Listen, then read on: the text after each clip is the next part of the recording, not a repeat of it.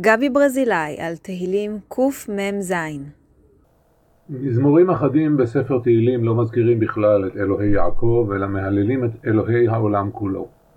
מזמורים אחרים מחויבים הרבה יותר לאלוהי ישראל ולעם ישראל. מזמור קמ"ז, כמו תהילות האל שלפניו ואחריו, נע על הציר שבין האוניברסלי לבין הלאומי.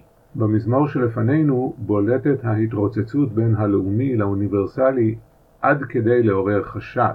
פסוקים מעטים בלבד מזכירים את ישראליותו של אלוהים.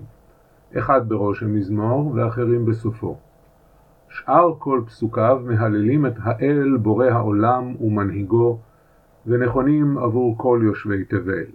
ניתן אפילו להציע שהפסוקים הלאומיים הוספו לתהילת האל במועד מאוחר יותר, ואולי עדיף היה למזמור בלעדיהם. הפסוק שבראש הפרק מספק לנו תאריך.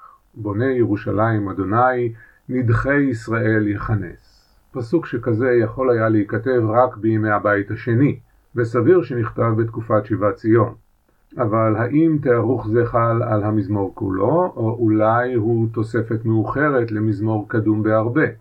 גם הפסוקים האחרונים הם לאומיים ומבדילים בין ישראל לעמים.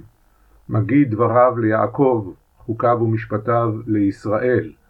לא עשה כן לכל גוי ומשפטים בל ידעום. אמירה אתנוצנטרית זו מקלקלת קצת את האווירה הטובה ששרתה על המזמור עד כה, כיוון שהיא מוציאה אל מחוץ למעגל המתפללים את כל מי שאיננו חלק מעם ישראל. ומה יהיה על שבורי הלב, הענבים והיראים את האלוהים משאר העמים?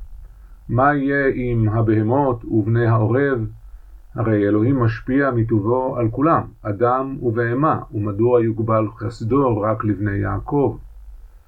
ראוי לו למזמור תהילה שמבוסס על בריאת העולם כמו מזמור קמ"ז, שיישאר נאמן לבריאה כולה, ולא ינסה לצמצם את תוקפו לעם אחד בלבד.